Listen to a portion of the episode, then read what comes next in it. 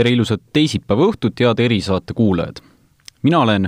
Eesti Päevalehe ajakirjanik Joosep Tiks ja täna lähme üle ookeani rääkima meie suurimast liitlasest, USA-st. ja täpsemini sellest, et ega kaua ei olegi enam aega, kolmandal novembril juba tänavu toimuvad seal presidendivalimised. ja kuigi üldiselt need kampaaniad kestavad, noh, kui mitte aasta, siis võib-olla isegi pisut rohkem, siis äh, praegused sündmused USA-s on võib-olla üht-teist pea peale keeranud. ent siiski kaks kandidaati taldrikul on, on Biden ja on Trump. ja täna võib-olla need kaks meest me võtamegi suuremasse fookusesse. ja minul on külas siis siin saates äh, Maalehest Argo Ideon. tervist! ja Eesti Päevalehe välisuudistest äh, Kaarel Kressa. tervist! ja võib-olla hüppakski pea ees äh, niimoodi vette, küsiks kohe vastavalt USA arvamusküsitlustele, et Bidenil on seal ju tuntav, no võib-olla mitte niivõrd tuntav, mitte kahekohaline number, kuid siiski kõikide küsitluste järgi edumaa Trumpi ees. ja kui me nüüd keerame aja neli aastat tagasi, vaatame uuesti arvamusküsitlusi ja populaarsusreitinguid, siis samas Clintonile, kes kandideeris toona Trumpi vastu, näitasid samuti küsitlused kõik positiivset edumaad, võitu, võib-olla vahepeal isegi kahekordset vahet. et kui nüüd võrrelda neid kahte valimist, neli aastat tagasi ja tänavust valimist, siis kas neis on midagi erinevat või juhtub samamoodi nagu toona, et arvamusküsitlused näitasid üht ja tulemus tuli teine? no peab meelde tuletama muidugi, et äh, Hillary Clinton ju võitis need valimised häältega, ehk äh, ta sai äh, umbes, oli see mingi kolm miljonit häält rohkem kui Donald Trump ja tegelikult seal valimistel oli veel kandidaate, ütleme siis liberaalseid või vasakpoolseid rohelisi kandidaate, kes kogunes, kogusid veel kokku mitu miljonit häält. selles mõttes Trump võitis puhtalt ju tänu USA valimissüsteemile, mis äh, ei tähtsusta siis äh, kogu antud häälte hulka, vaid seda, kelle poolt on äh, siis äh, osariigid. Ehk osariikide kaupa jagatakse siis valija, valijamehi ja lõpuks, kellel on siis rohkem valijamehi, see osutub ka valituks. ja no tõepoolest, ühesõnaga, kui, kui praegu lugeda neid äh, toetusnumbreid, siis äh, jah, äh, Joe Biden on ees, Trump on järel, aga noh, valimisteni on veel minna ikka, no poolt aastat enam ei ole, aga siiski no ja tõesti, tõesti, olukord on Ameerikas väga selline Äh, erakordne, dünaamiline tänu sellele koroonaviiruse kriisile ja sellega kaasnevale siis äh, majanduskriisile ma arvan, et ta, need Ameerika siseprobleemid teevadki need valimised seekord mingisuguseid välispoliitilisi, rahvusvahelisi teemasid seal väga ilmselt ei tule. No nagu ikka, aga kordaks üle selle tõsiasja, et erinevalt eelmistest valimistest Trump ei kandideeri enam nii-öelda võimul oleva partei vastu, vaid põhimõtteliselt äh, siis toetub enda saavutustele, kuigi sellegipoolest tema programm äh, on jätkuvalt see Make America Great Again, et vaat, kui ma nüüd võimule saan, siis ma hakkan asju tegema, mis noh, tekitab küsimuse, miks ta neid kohe ei tee. Ja küsitlused seekord on palju kõvemini demokraatide kandidaadi kasuks tõepoolest, ütleme, kõige ilmekamat näidet pakub äh, vabariiklastele tugevalt sümpatiseeriv Fox News, kus pühapäevase seisuga toetas Bidenit nelikümmend üheksa protsenti vastanutest siis Trumpi neljakümne ühe protsendi vastu, ehk kaheksapunktine erinevus muid-, muidugi nagu Argo ütles, siis siin populaarsus ja valijamehed on erinevad asjad, et kas siin noh, kui vaadata nende kahe partei dünaamikat kas või suhteliselt fifty-fifty on alati see marginaal siis on see, mis otsustab valimise. Kus on need äh, võib-olla valimise tuu-, tuumkohad või, või mis osariigid need on, mis seal võivad otsustada siis äh, need valimised, et tõenäoliselt tuleb ju nii Trumpil kui Bidenil võitlema hakata selliste nii, nii-öelda swing state'ide nimel? Trumpil eelmine kord õnnestus on ju võita Michiganis, õnnestus võita Floridas ja Arizonas, mis kõik annavad paraja portsu valijameeste hääli. Ja praegu Trump on kõigis nendes kolmes osariigis ikka nii tugevalt taga, need kõik on ka kõvasti koroonaviirusest räsitud osariigid. et kui ta neid ei võida, siis on üsna ohutu öelda, et ta ei saa võita. noh, Florida on vist tõesti kõi-, just hetkel nagu see koht, kus on koroonaviiruse tulipunkt Ameerikas ja California on see olnud ka juba jupp aega, et äh, no äh, muidu, muidugi siin pool aastat enne valimisi on äh, meil hea rääkida, et, äh, et tõenäoliselt on sellised, sellised, aga noh, mis siis lõpp, lõpuks saab, eks seda otsustab ikkagi Ameerika valija ja mõlemad, nii Biden kui, kui Trump ju tahaksid noh, oma kandepinda laiendada, aga hetkel tundub küll, et Bidenil on see paremini õnnestunud et äh, kõige, äh, kõige ootamatum või kummalisem asi, mis ma viimasel ajal olen lugenud, on see, et selline Ameerika poliitik nagu Angela Davis tegi Bidenit pooldava avalduse, et et ma ei tea, kas teie noorte meestena mälet-, ilmselt ei mäleta, aga mina mäletan kommunistlik kangelane. mina mäletan, et Brežnevi ajal toimusid Nõukogude Liidus äh, siis äh, ütleme, asutustes ja ettevõtetes, vabrikutes miitingud, kus äh, äh, siis äh, nõuti Angela Davise vabastamist, tema oli USA kommunistliku partei selline tegelane, kes ühel hetkel siis võeti kinni mingisuguse mõrva, mõrva või tapmistega seoses ja ja, ja noh, lõpuks vist selgus ikkagi, et äh, noh, ühesõnaga teda, teda äh, süüdi ei mõistet-, ei mõistetud, ta sai vabaks, äh, aga noh, need miitingud olid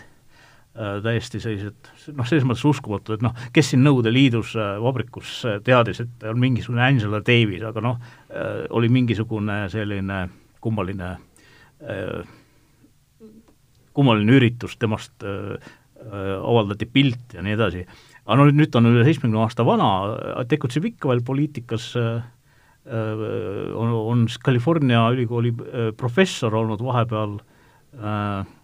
jätkuvalt feminist-marksist ja teatas, et toetab Bidenit, kuigi et noh, ta ei toeta selles mõttes Bideni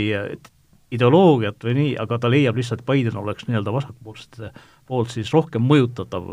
kui, kui Trump no see ei ole nüüd nii üllatav, kui rääkida märgilistest asjadest, siis näiteks see, et endine riigisekretär Colin Powell äh, on kindlasti lubanud Trumpi vastu hääletada, vist ütles ka, et hääletab Bideni poolt.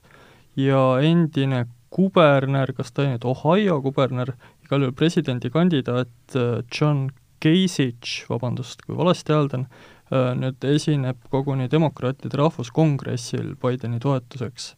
kuigi selliseid äh, mässavaid vabareiklasi on tõesti väga vähe, et äh, senaatoritest tuleb meelde ainult Mitt Romney, kes vist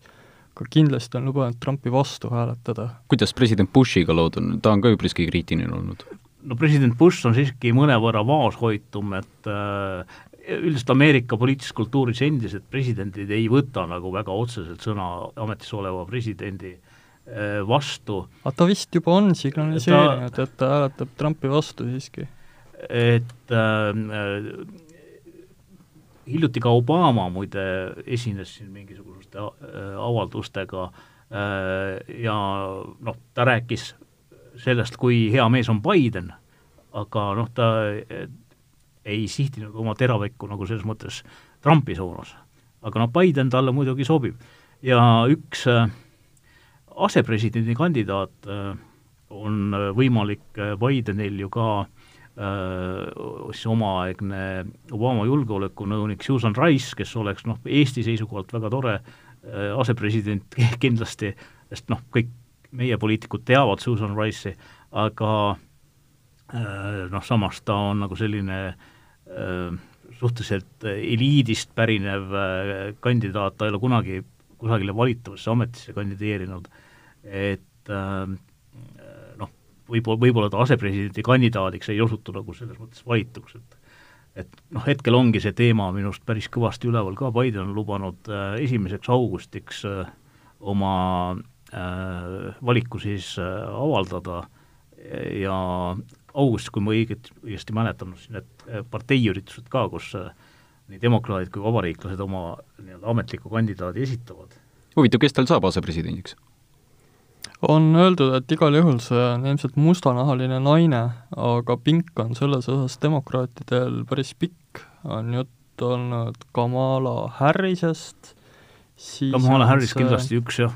variant, siis oli üks Atlanta linnapea proua Bottoms, kui ma, kui ma ei eksi. ja siis on mitte mustanahaline, vaid tai juurtega ilma jalgadeta sõjaveteranist senaator Tammy Duckworth, kes on nüüd tõusnud kõvasti kes esindab pigem seda demokraatide vasakpoolset tiiba. et variante nagu on. aga mis ma selles mõttes nagu ongi see valik äh, huvit-, huvitav, et noh, valik äh, peab väljendama siis seda, et millist äh, valijasegmenti noh, Bideni meeskond tahab nagu selle asepresidendi kaudu endale hõlvata ja kinnistada, noh, ja ma usun, et kuna Joe Biden ise on oma päritolult ju selline äh, no äh, parempoolne demokraat. pigem parem, pigem parempoolne, pigem selline ütleme, mees, kes võiks ka apelleerida siis äh, nendele, kes enne Trumpi poolt on hääletanud. Et äh, ilmselt see asepresidendi kandidaadi valik siis peab tulema sealt teisest servast ehk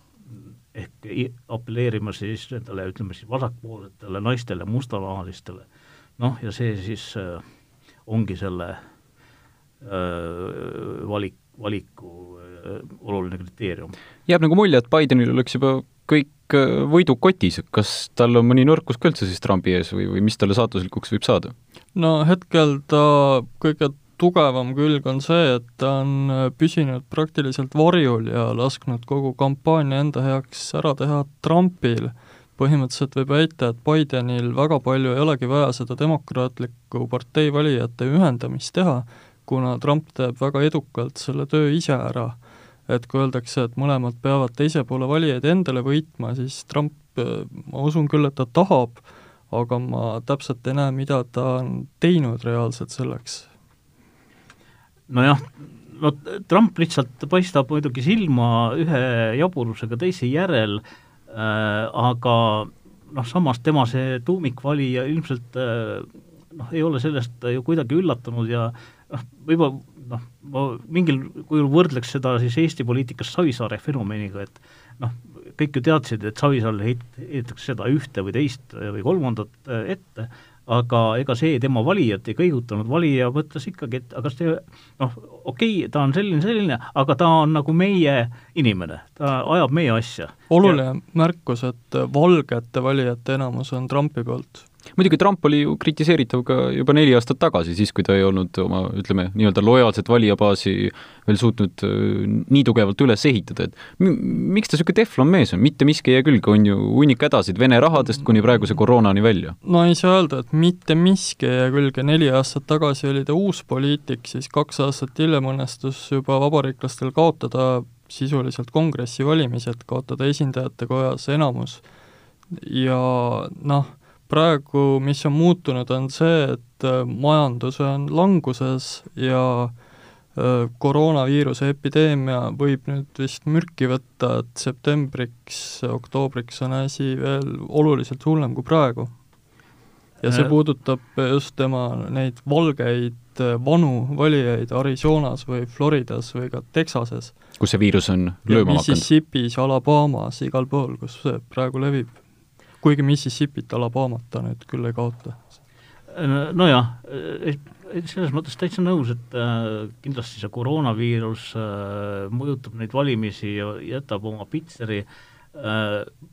ja Trumpi poliitika alguses oli ju see, et noh, tegu üldse ei ole nagu mingi teemaga noh, siis äh, et no me saame hakkama ja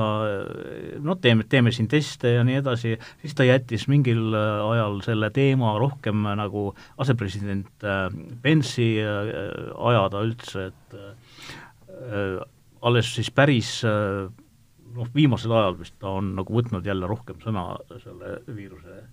viiruse teemal? no pressikonverentsidel teda enam ei lasta, et võite keegi teine? nüüd, tähendab, ta ise loobus nendest, aga nüüd ta plaanib need jälle alustada, kuna ta nendib, et tõesti epideemia, mida ta küll nii ei nimeta, aga ühesõnaga teatud piirkondades tema sõnul on asjad läinud jälle halvemaks ja nüüd äh, väärib asi tema isiklikku juhtimist. aga kõige veidram minu jaoks ongi see, et äh, ma tõesti oleks oodanud, et äh, Trump vähemalt vormiliselt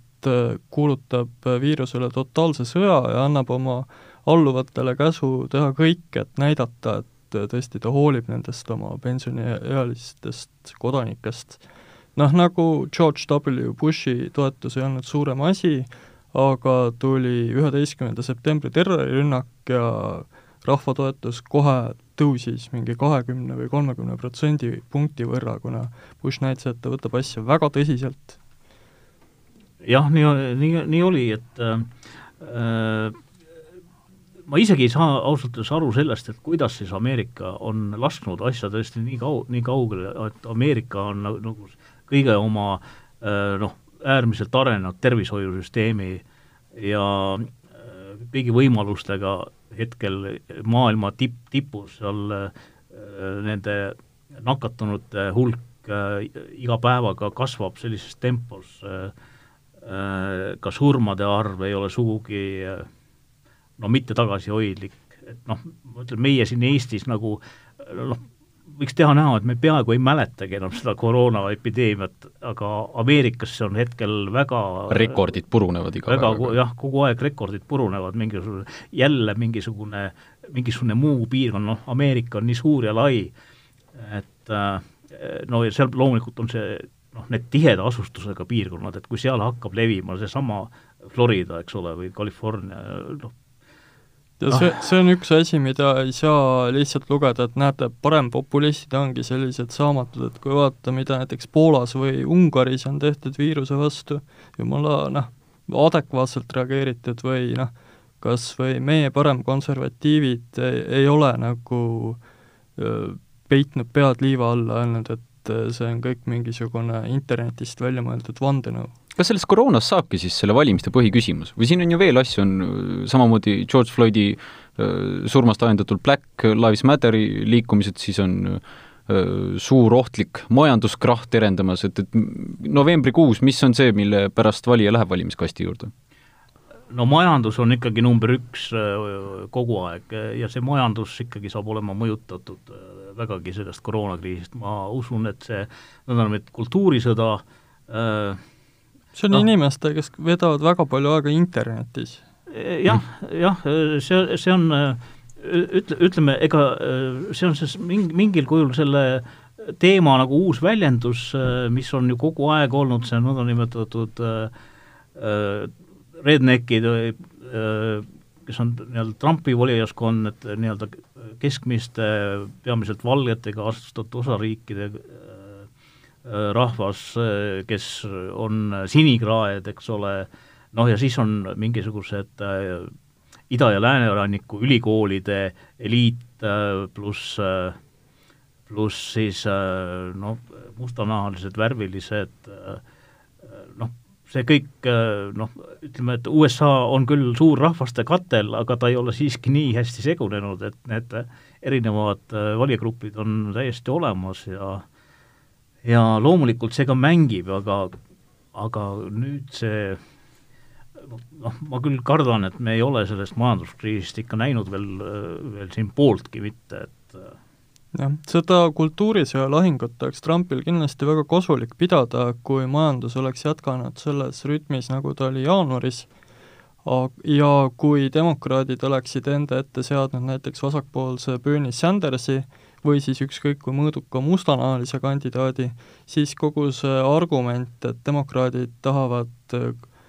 kurjategijaid võimule ja politsei maa pealt ära kaotada, see lihtsalt Joe Bideni puhul väga hästi ei paista töötavat, sest et äh, needsamad eakamad valijad mäletavad Joe Bidenit juba aastakümneid ja teavad, mis juttu ta on kogu aeg rääkinud ja ka seda, et ta praegu ei räägi nagu seda, mida demokraatide vasaktiib tahaks kuulda selles küsimuses. mis ta nagu USA Siim Kallas siis, et kogu aeg olemas olnud? Mm, noh, neid äh, võrdlusi Eesti poliitikasse on väga keeruline, keeruline tõmmata, et äh, noh, Joe Bideni puhul muidugi peab märkima siin, et ta ikkagi Eestis on äh, väga hästi tuntud inimene, et noh, minu raamatus Toomas Hendrik Ilvese presidendi ajast on näiteks episood, kus Balti riikide presidendid kaks tuhat kolmteist august on Valges Majas ja noh, põhimõtteliselt nad kohtusid seal president Obamaga, aga enne Obamat oli neil siis lõuna Bideniga. ja Biden näiteks rääkis seal sellest, et kuidas ta noorpõlves üles kasvas äh, siis keset äh, Ida-Euroopast, sealhulgas ka Balti riikidest pärit immigrante, et ta äh, no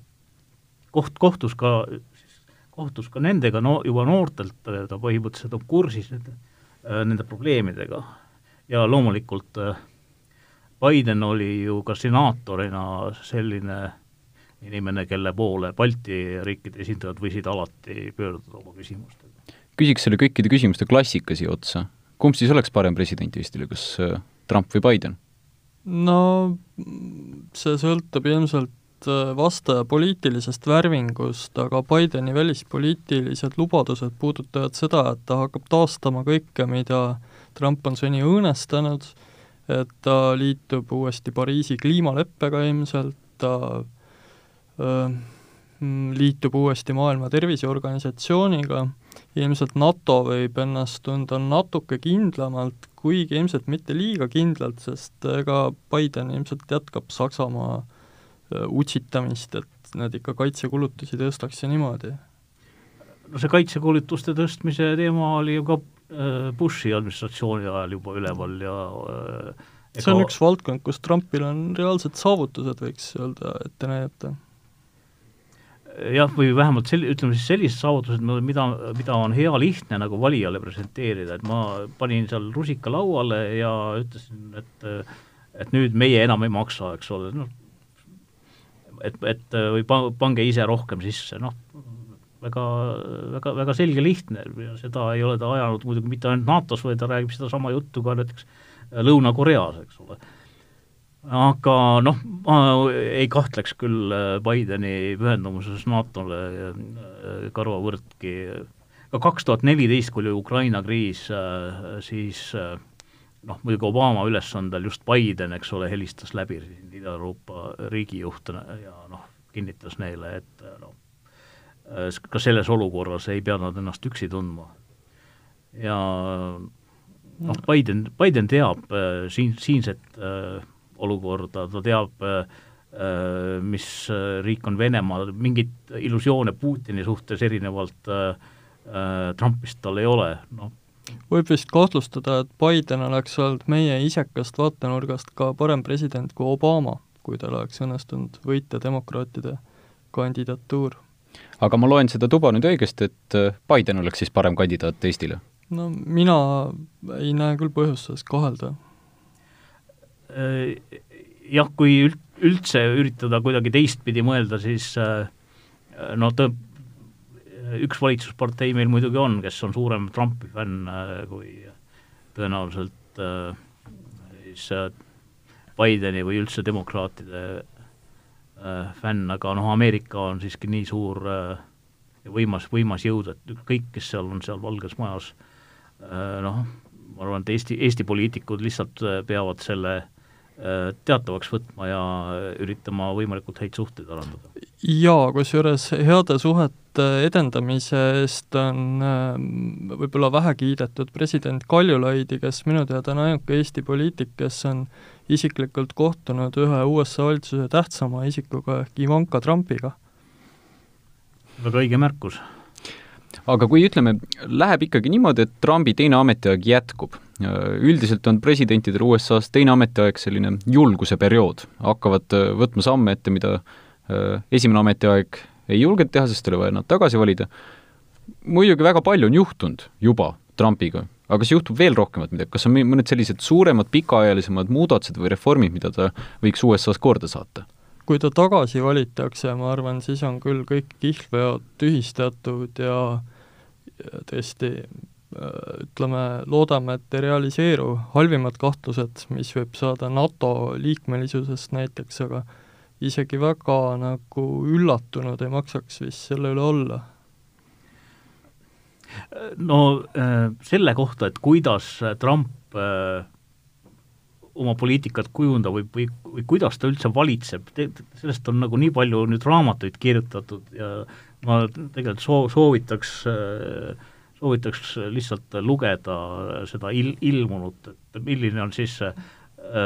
noh, Trumpi selline ütleme, päevarežiim kas või, või mis talle üldse on oluline, milline on tema keskendumisvõime? või kuulata süvitsi tema kõnesid ja intervjuusid, see annab ka üsnagi huvitava pildi et septembris peaks ilmuma vist Bob, Bob Woodwardi uh, uus raamat uh, siis Trumpi administratsioonist, et seda kindlasti suure huviga on mõtet oodata, sest noh, ühe ta on kirjutanud juba aga uh, selle valmimiseks siis Trump uh, koostööd ei teinud, aga selle uue raamatu valmimiseks siis ma saan aru, et ka Trump on mingeid intervjuusid andnud, et väga huvitav saab äh, kindlasti olema, Woodward teatavasti üks äh, kahest kuulsast äh, Watergate'i paljastajast, üks Ameerika tuntumaid ajakirjanikke. ja muide, me ei tea veel täpselt ka seda, kes saab olema Trumpi asepresidendi kandidaat, üllatusi võib selles osas veel juhtuda, et Mike Pence'i koht ei pruugi tingimata olla turvaline, kuna mitte kellegi koht ei ole turvaline, välja arvatud Ivanka Trump ja tema abikaasa Jared Kushner. tohoh, millega Pence hakkama sai siis? ei no mit-, see ei ole ilmselt adekvaatne küsimus, kui küsida, et äh, kes võib mille eest äh, vallandatud saada Valgest Majast. no Pence ju äh, on ka Tallinnas käinud ja ja kui ma mäletan, noh, ta noh, andis mingeid kommentaare ja ta pidas ka seal Kadriorus äh, väikese äh, sellise kõne ja noh, kõige tähelepandavam repliik äh, tema nagu ütlustes oli kogu aeg, et et nagu president on öelnud või ühesõnaga, tal, et ta ei esita mingeid oma mõtteid, kõik on nagu Trumpi poolt ette antud, ta noh, see on tegelikult muidugi loogiline, USA asepresident ongi see mees, kes täidab, see mees, mees või naine, ütleme siis äh,, Äh, praeguses seisus, kes täidab äh, äh, presidendi ülesandeid. Kuigi kulisside taga vähemalt ta on näiteks kuberneridele USA meedia väitel öelnud, et jah, et ikka tema võtab seda noh, mõista andnud läbi lillede, et tema võtab seda koroonaviiruse asja ikka tõsiselt, et ikkagi valitsus läbi tema isiku natuke tegeleb nende asjadega ja nii edasi et kui niisugused jutud peaksid jällegi nüüd liiga suurema kella külge minema, siis see oleks ilmselt kahjulik talle. huvitav, kui nüüd Biden ikkagi ei võida äh,, mis demokraadid peavad muutma siis, nad on ju sisuliselt kaks korda üpriski sarnase kandidaadiga läinud valimistele, kas neil on vaja mingit tohutut äh, maailmavaatelist muutust, kannapööret, kuidas nad saavad äh, trampistunud vabariiklaste vastu? ega ei pruugigi siis saada peale demograafilise muutuse selles mõttes, et Biden on selline vaniljetüüpi kandidaat, et noh, su-, suhteliselt parempoolne demokraat, et temast nagu rohkem niisugust keskmist ja tavalist on nagu raske ette kujutada, eks demokraadid vist äkki liiguks tugevalt vasakule siis või? no äh, Bideni kohta öeldakse jah, et ta on mõõdukas kandidaat, et äh, tal ei ole selliseid väga radikaalseid äh, positsioone ja noh, praegu võiks äh, ju aidata lihtsalt äh, see, et ta ei ole Donald Trump ja see ongi tema põhiline argument nendel valimistel. nüüd kujutame ette, et neli aastat ongi möödas, kuidas see Trumpi projekt vabariiklastel õnnestunud on, sest näiteks seal on ju olnud ka kõrgeid tähtsaid vabariiklasi, kes neli aastat tagasi tohutult kritiseerisid teda, olgu see siis kas või Jeb Bush ise, George Bushi vend, Lindsey Graham, Marco Rubio ja nii edasi, edasi, nimekad vabariiklased ja nüüd nad on kõik ilusasti võtnud partei liini mööda ennast rivvi Trumpi maailmavaatega. kui nüüd Trump peaks kaotama, kas vabariiklased leiavad kellegi veel radikaalsema endale kõrvale või tõmbavad keskele tagasi, umbes nii nagu Bushi või, või Mitt Romney või teiste presidendikandidaatide aegadel? paistab küll, et Trumpi liin jätkub kauem kui ükski Trumpi ametiaeg, neid võimalikke mantlipärijaid on seal päris ohtralt. Ja pigem ikka noh, sõltub, milline tulemus tuleb sügisel, kui Trump ikka kaotab, siis kas kaotatakse ka näiteks senat, mis oleks ikka poliitiline maavärin, sest et see kõik tundus jaanuaris väga ebatõenäoline, praegu ka ei tahaks hästi uskuda, et demokraatidel õnnestub seal tõesti, mis oli, neli-viis kohta vabariiklastelt ära kiskuda ja ise mitte midagi kaotada. kui see juhtub, siis võiks ju natuke küsida endalt, miks see nii juhtuks, aga või mis sa arvad, Argo? no Trump on ühelt poolt, ta on selline kordumatu isiksus, kelle, kelle sarnast päris teist kindlasti ei ole, küll aga mõned Trumpi olulised poliitikad ikkagi majanduspoliitikas, maksupoliitikas näiteks, on sellis-, sellised, mida kindlasti sooviks jätkata ka mõni järgmine vabariiklane. et noh, kui ei oleks nüüd saabunud seda kurja vaimu koroonakriisi, siis oleks ju võinud Trumpi ametiaega Ameerikas majanduslikult lugeda väga edukaks ja eelkõige jätkuks ilmselt see retoorika, et on üks hea partei ja siis on sisevaenlane, kes sisuliselt on hullem kui Venemaa või Hiina või ükskõik kes. lõpetuseks ütleks võib-olla niimoodi, mis mul jäi nüüd sellest äh, Fox Newsi intervjuust meelde ja, ja ka Trumpi varasematest ütlustest, kus äh, mul on alati huvi tek-, tekitanud see, kui Trumpile kas miski meeldib või ei meeldi,